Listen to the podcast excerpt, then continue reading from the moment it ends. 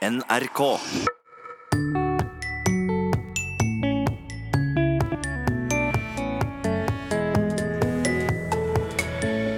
Det vrimler av metaforer i språket vårt. Tenk bare på ordet bordbein. Det er jo en metafor for bord hev egentlig ikke bein. Og i politikken er metaforer et kjent retorisk grep, som ikke alltid blir like vellykka. Det norske hus, hvis jeg husker det, det var jo en metafor som ikke slo så veldig godt an. Bredine. Kjenner du noen som heter det? Det var faktisk en gang at jeg søkte det opp, og da var det bare én som het akkurat det jeg het. Så da husker jeg at jeg følte meg veldig spesiell. Flere gamle navn står i fare for å forsvinne. Men er det så nøye, da? Vel møtt til Språkteigen. Tida går, sier vi. Men det gjør den jo ikke, for tida har ikke bein og kan ikke gå. Det er en metafor, og de er utbredt i hverdagsspråket vårt. Den fungerer som en måte å bygge ny kunnskap og forståelse ut fra noe vi kjenner fra før. Metaforer er òg utbredt i politisk kommunikasjon og retorikk, og hvilken funksjon har de der? Jon Magnus Ragnhildsson Dahl, du er stipendiat i retorikk og medievitenskap og er med i retorikkgruppa ved Universitetet i Bergen. Og før vi ser på politisk kommunikasjon, kan du forklare hva er en metafor? Metafor er jo et sånn begrep som mange har en idé om høtta, men hvis vi blir bedt om å definere det, så blir det litt verre. Ja. Eh, og ofte så forstår vi metafor som en form for sammenligning, mens andre bander så blir det forstått som en slags erstatning. Altså at en bruker ett ord i stedet for det det egentlige eller det rette ordet. Tenk bare på ordet bordbein. Ja. Det er vel en metafor for bord hev egentlig ikke bein, men vi hever ikke et annet ord for det. Men den definisjonen som ofte blir brukt, er at metafor det er å beskrive én ting som en annen ting. Og ofte da at en bruker noe konkret til å beskrive noe abstrakt, eller noe mer kjent til å beskrive noe som er mindre kjent. Um, Nå kan jeg jo tenke på uh, Jeg tror det var Robert Burns som første gang skrev at 'min elsker deg som ei rose'.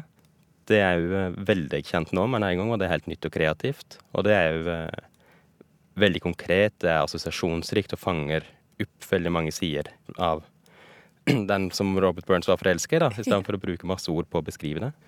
Um, en annen viktig ting å tenke på er jo da at eh, det er ikke alle sammenligninger som er metaforer. For eksempel, det skal komme fra helt ulike domener. Eksempel en blom og et menneske, det er to helt ulike ting. Er det andre krav ved metaforen kontra da en sammenligning? De skal jo eh, være passende, da, på en eller annen måte. Og i eh, klassisk retorikk så sa jo allerede Aristoteles sa jo allerede i tredje bok av retorikken at metaforer ganske ofte ikke er passende. For han mente at eh, den typen språklige utforminger det hører til poesi, og den hører til den høye stilen i talekunsten. Så hvis du virkelig vil bruke metaforer i dagligtale eller i talekunst, så må du gjøre det på en måte som virker naturlig og ikke for tilgjort. Metaforen, mente Aristoteles, var det som var aller best egnet til å eh, sette en ting framfor øynene til eh, tilhørerne. Altså det gjorde det som var komplisert og abstrakt, konkret og sanselig. Og samtidig var det, hvis det var godt laga, så gjorde det at han kunne forstå kompliserte ting bedre, og ikke minst at du kunne minnes ting lettere, fordi det summerer. Det kondenserer rett og slett kompliserte ting og gjør det forståelig og gjør det lett å huske. Men uh, han advarte jo da mot å bruke altfor opphøyde ord i feil sammenheng, fordi det kunne ofte virke søkt. Det er jo, eh, eller hvis en la for merke til metaforen. For allerede da så var det en slags skepsis til å være for kunstferdig og for retorisk. Ok, så metaforer er godt egnet til å gjøre noe komplisert mer forståelig, og det stilles krav til avsenderen for å finne den passende tonen mellom noe høyverdig og noe folkelig. Og politikk er jo i det landskapet, så er metaforer da godt egnet som retorikk i den politiske kommunikasjonen? Det kan være det, men for å fortsette litt det med at metaforen må være passende, Ja. Det er jo sikkert mange som eh, minnes nyttårstalen til Jens Stoltenberg, eh, når han snakka om at eh, rensing av gasskraftverket på Mongstad kom til å bli vår månelanding. Da president Kennedy sa at amerikanerne skulle lande på månen innen ti år, hadde ikke amerikanerne vært ute i verdensrommet. De kom til månen innen ti år. De satte seg mål, og de nådde målene. Vår visjon er at vi innen syv år skal få på plass den teknologien som gjør det mulig å rense utslipp av klimagasser. Det blir et viktig gjennombrudd for å få ned utslippene i Norge. Og når vi lykkes, tror jeg verden vil følge etter. Dette er et stort prosjekt for landet. Det er vår månelanding. Det var i nyttårstalen i 2007 at Jens Stoltenberg lanserte regjeringa si månelanding. Det var jo en metafor som ikke slo så veldig godt an. Hvorfor ikke det? Det er nok fordi rett og slett det var upassende. For det første så er vi jo nå enda mer enn i, eh, klasse, i klassisk gresk tid. Så er det jo mye opptatt av å snakke dagligdags, til og med i politiske taler. Og spesielt en person som Jens Stoltenberg, som vi er vant til at han snakker enkelt og hverdagslig og jovialt. Og selv om kanskje nyttårstalen er en av de få virkelig høytidelige politiske talene i Norge, så ble likevel å bruke en så kraftig metafor som månelanding der, det ble nok for mye. For månelanding, det refererer til en stor historisk, verdenshistorisk hendelse. Eh, det ble for stor hendelse, og ikke minst det ordet måne er veldig poetisk lada. Så det ble rett og slett en veldig merkelig metafor. Og det var, det var jo før noen visste at gasskraftrensinga ikke ble noe av. Men um, hvis vi skal holde oss innafor politisk uh, kommunikasjon da, og, og, metaforer, hva slags funksjon har de der? Ja, som sagt så gir det en god metafor det abstrakte konkret. Og det gir det ukjente mer kjent. Men dessuten så kan en bruke metaforer til å gi et bestemt perspektiv på en sak. Mm. For metaforer eh, de vekker det veldig mange assosiasjoner og veldig mange følelser hos. Nettopp fordi at eh, det bruker en kjent, konkret ting til å beskrive noe mer ukjent og komplisert. Og det er der den retoriske krafta til metaforen ligger. Men samtidig er det det som gjør den vanskelig å bruke òg. Fordi det skal jo en viss trening til å styre de assosiasjonene som publikum får av metaforen. Og det å styre assosiasjoner det er veldig sentralt i politisk retorikk. Men uh, det kan bli gjort på en riktig elegant måte. Eh, F.eks. av uh, Margaret Thatcher i debatten om Maastricht-avtalen. For av EU-tilhengerne i Storbritannia så ble den avtalen ofte omtalt som et tog som var på vei til å forlate stasjonen uten at Storbritannia var om bord. Mm.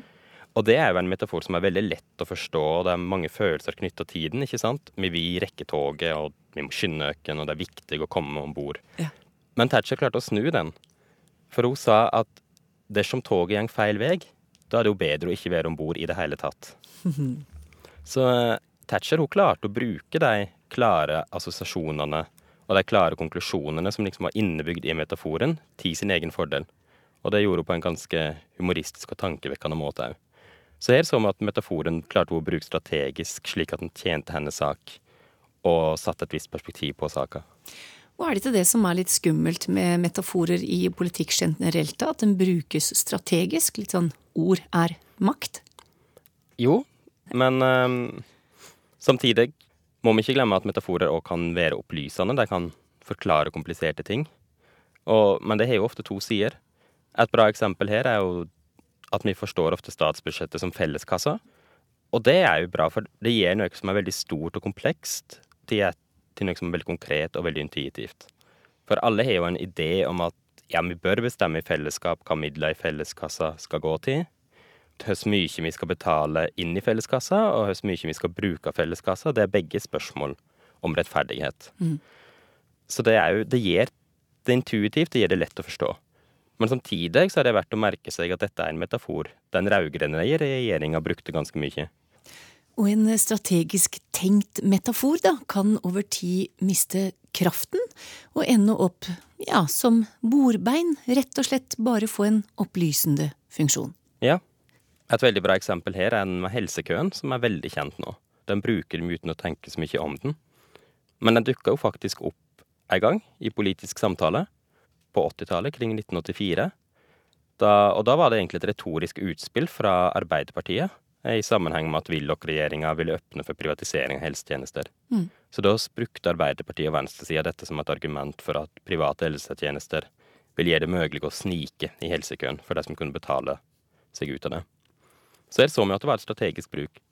Men når jeg satt og søkte på dette, fant jeg en kronikk sånn fra et halvt år senere, i 1985, der en fylkeslege i Troms, Ivar Sønbø Christiansen, faktisk bruker den her metaforen helsekø på en veldig god og pedagogisk måte å forklare hvordan ventetid og ventelister i helsesektoren faktisk fungerer, og hva konsekvensene av ulike former for helsepolitikk ville bli.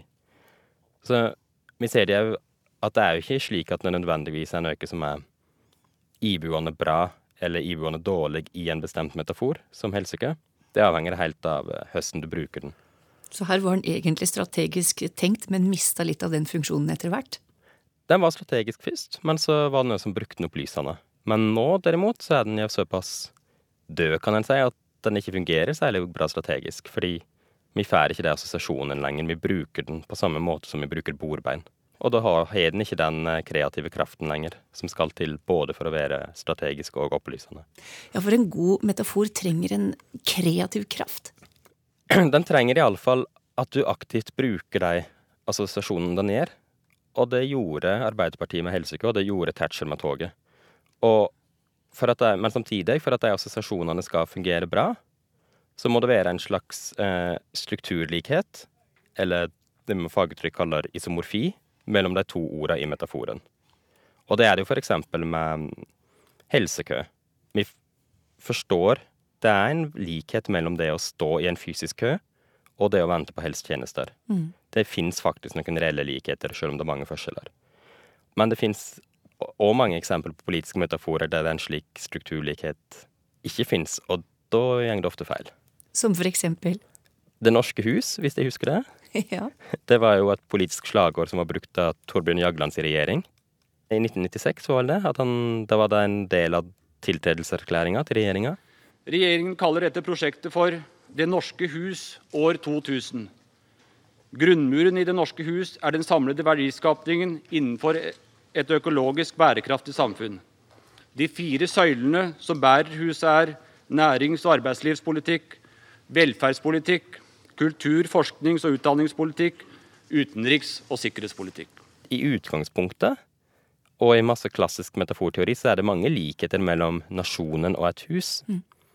Men måten Jagland brukte assosiasjonene på, det ble slått helt feil. Han sa vel at grunnmuren i Det norske hus er den samlede verdiskapningen innenfor et økologisk bærekraftig samfunn. Det er en forferdelig kronglete setning. Og i tillegg så snakker han om fire søyler som bærer huset, og det blir forvirrende, for er det grunnmuren eller søylene som bærer huset? Ja. Og eh, hvor mange hus i Norge har egentlig søyler? Så han ble gjort veldig mye narr av her, rett og slett. Det var en ganske fin tanke. Men fine tanker i en sånn tid, det, det var ikke mulig. Statsministeren blir et festmåltid for ironigenerasjonen. Vi starter som vanlig med noen herlig frekke, frekke krøssklepp. Og vi skal vise den nye regjeringa Krøsskleppa med et synkende skip tilbake til regjeringa og en tømmerflue. Så han prøvde å lage en kreativ metafor og bruke assosiasjonene metaforen kunne gi, men det ble rett og slett De fikk det ikke til. Går det, går det an sånn kort å da oppsummere hva gjør en god politisk metafor? En god politisk metafor, den uh, setter et visst perspektiv på ting. Den gjør ting klart og tydelig og kanskje den viser fram nye sider av en sak som man ikke kunne tenke i før. Det får være den lynkorte bruksanvisningen på et felt hvor det kreves litt for å lykkes. Jon Magnus Ragnhildsson Dahl er stipendiat i retorikk og medievitenskap.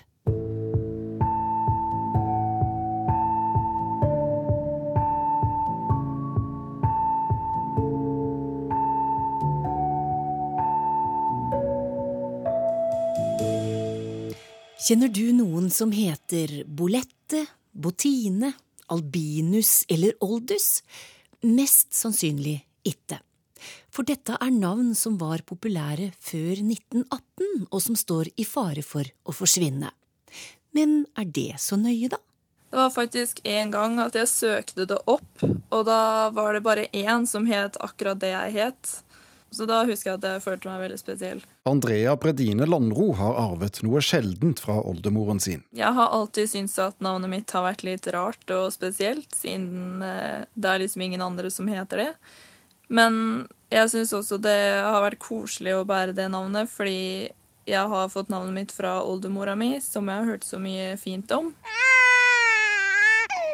For Bredine var et populært navn å gi nyfødte jenter for mer enn 100 år siden. Sammen med andre Agnes, Bendine, Bolette og Botilde, Edvardine, Knudine, Konradine og Ragla er i praksis borte. Navneforsker Jørgen Auren hos Statistisk sentralbyrå har gjort undersøkelser i navnestatistikken og funnet ut at mange navn kan være i ferd med å forsvinne. Her har jeg da en liste over navn som var forholdsvis populære for uh, mer enn 100 år siden, men som ingen har hatt som første fornavn de siste 100 årene. Men som Andrea Bredine er et eksempel på, så finner en del sjeldne navn tilbake til nåtiden. Hvis man går litt nærmere etter i sømmene, så dukker de fleste, veldig mange av dem opp som annet fornavn. Eller de viser seg å være etternavn, eller at navnet lever i beste velgående, bare skrevet på en litt annen måte. Tabita med to t-er er borte, men Tabita lever jo som bare det. Og Susanna med litt for mange s-er er borte. Men med et riktig antall s-er lever de jo. Slik at det er en, en, god del navn som bare forsvinner av sånne kosmetiske grunner. Jeg bruker eh, sjelden telenavnet mitt. Jeg pleier bare å introdusere meg som Andrea. Men når jeg skal være litt formell eller skrive under på ting og sånn, så bruker jeg det navnet. Og så av en eller annen merkelig grunn så pleier jeg alltid å skrive det i sånn bursdagskort. Sånn bursdagshilsener og sånn. Selv om ingen bærer Bredine som første fornavn i Norge i dag, er det 13 som har det som sitt andre. Ved Universitetet i Bergen forsker også Ivar Utne på navn. Han peker på at ikke alle gamle navn er like anvendelige når folk henter fram sånne navn, så tenker de jo litt på hva som klinger fint også. Da. Det er liksom ikke alt de føler er like greit. Altså Otilia, Ovidia og sånn, det klinger jo som musikk. ikke sant? Men det er ikke sikkert det er alle som vil velge navnet Øllegård og sånn. Altså Det kan virke litt, gi litt andre assosiasjoner, f.eks. Men folk går litt etter liksom hva som de syns passer med lyder og assosiasjoner i vår tid. Og så minner han om det rent praktiske ved å ta vare på alle slags navn. Det er massevis av navn.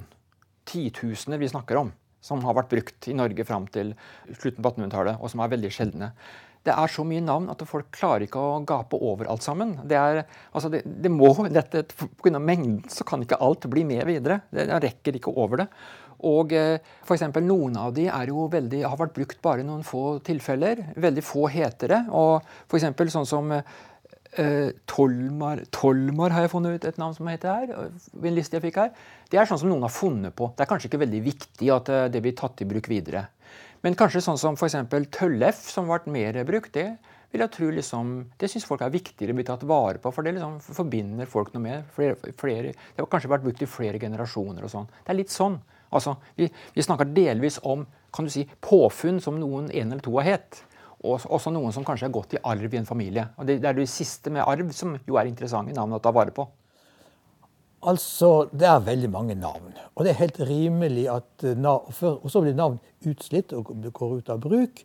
Og så pga. oppkalling, og så er det som jeg pleier å si, alt gammelt blir pent, bare det blir gammelt nok. Så det betyr at det som en periode oppfattes som sært og gammeldags, er plutselig ikke sært og gammeldags lenger. Altså, Jeg syns man skal bruke fantasi. Man skal gå tilbake til forfedrene sine. Se på slektstavlene. Det er så mye fint og flott, gammelt og fint. Men selv en navneglad forsker må innrømme at nok ikke alle navn har livets rett. Oldus, guttenavnet Oldus, tror jeg er borte. Men det er kanskje ikke så rart. Andrea Bredine har ikke alltid tenkt så mye over at navnet hun bærer kan forsvinne. Derfor har han altså valgt å bruke bare sitt første fornavn til daglig. Men fra nå av blir kanskje ting litt annerledes. Etter denne samtalen her så heter jeg jo Andrea Bredine. Det sa Andrea Bredine Landro. Og reportere var Kristin Granbo og Thomas Alverstein Ove.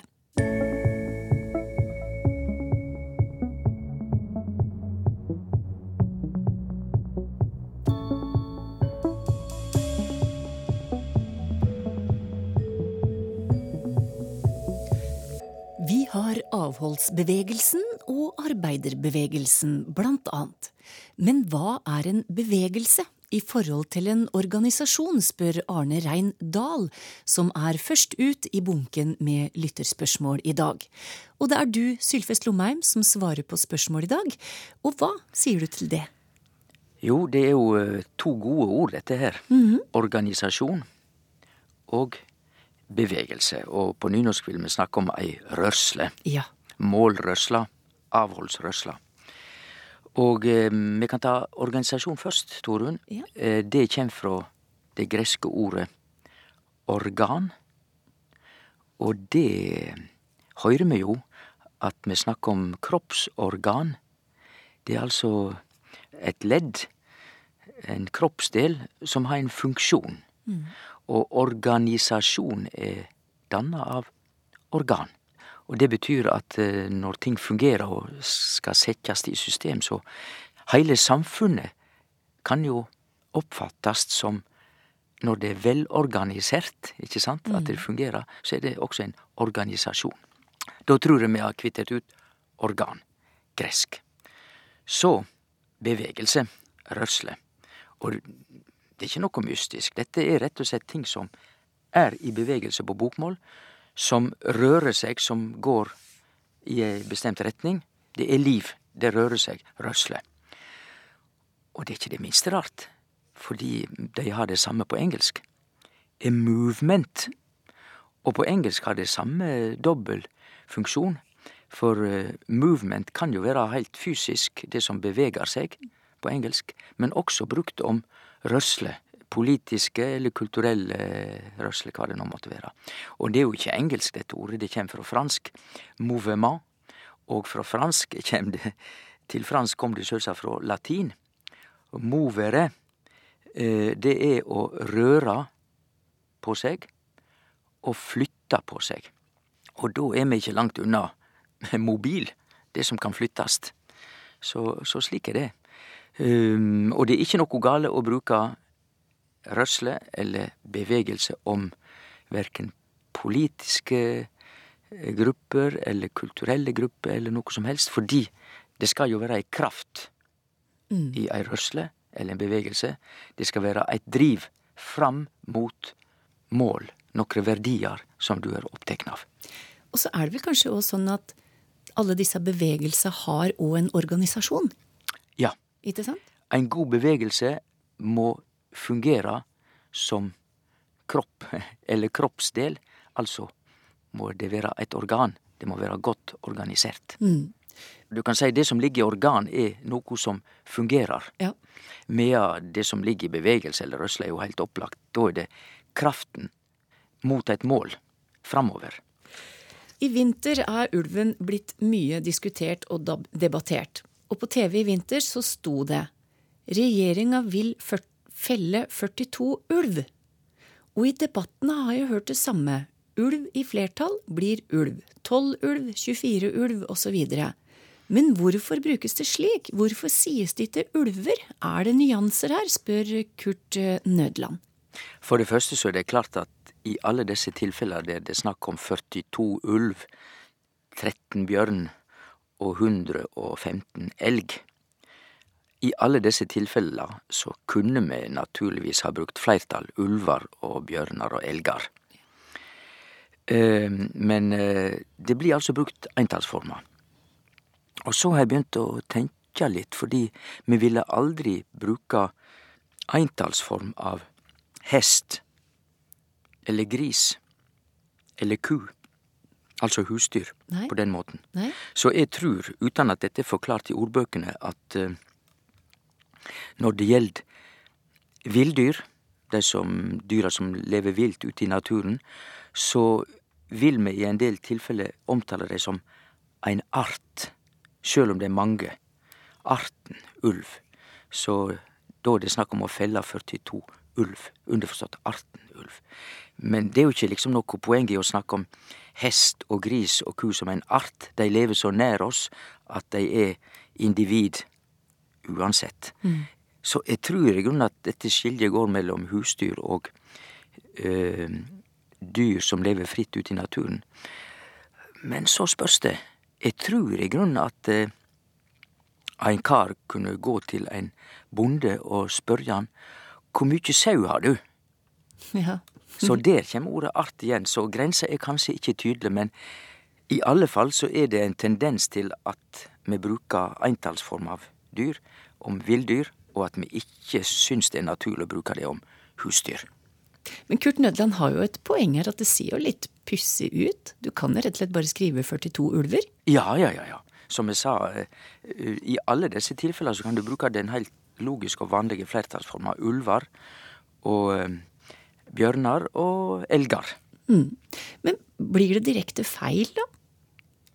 Nei, det vil jeg ikke si. Den bruken der som artsomtale av type villdyr, den er så etablert i norsk ordbruk at den er helt korrekt.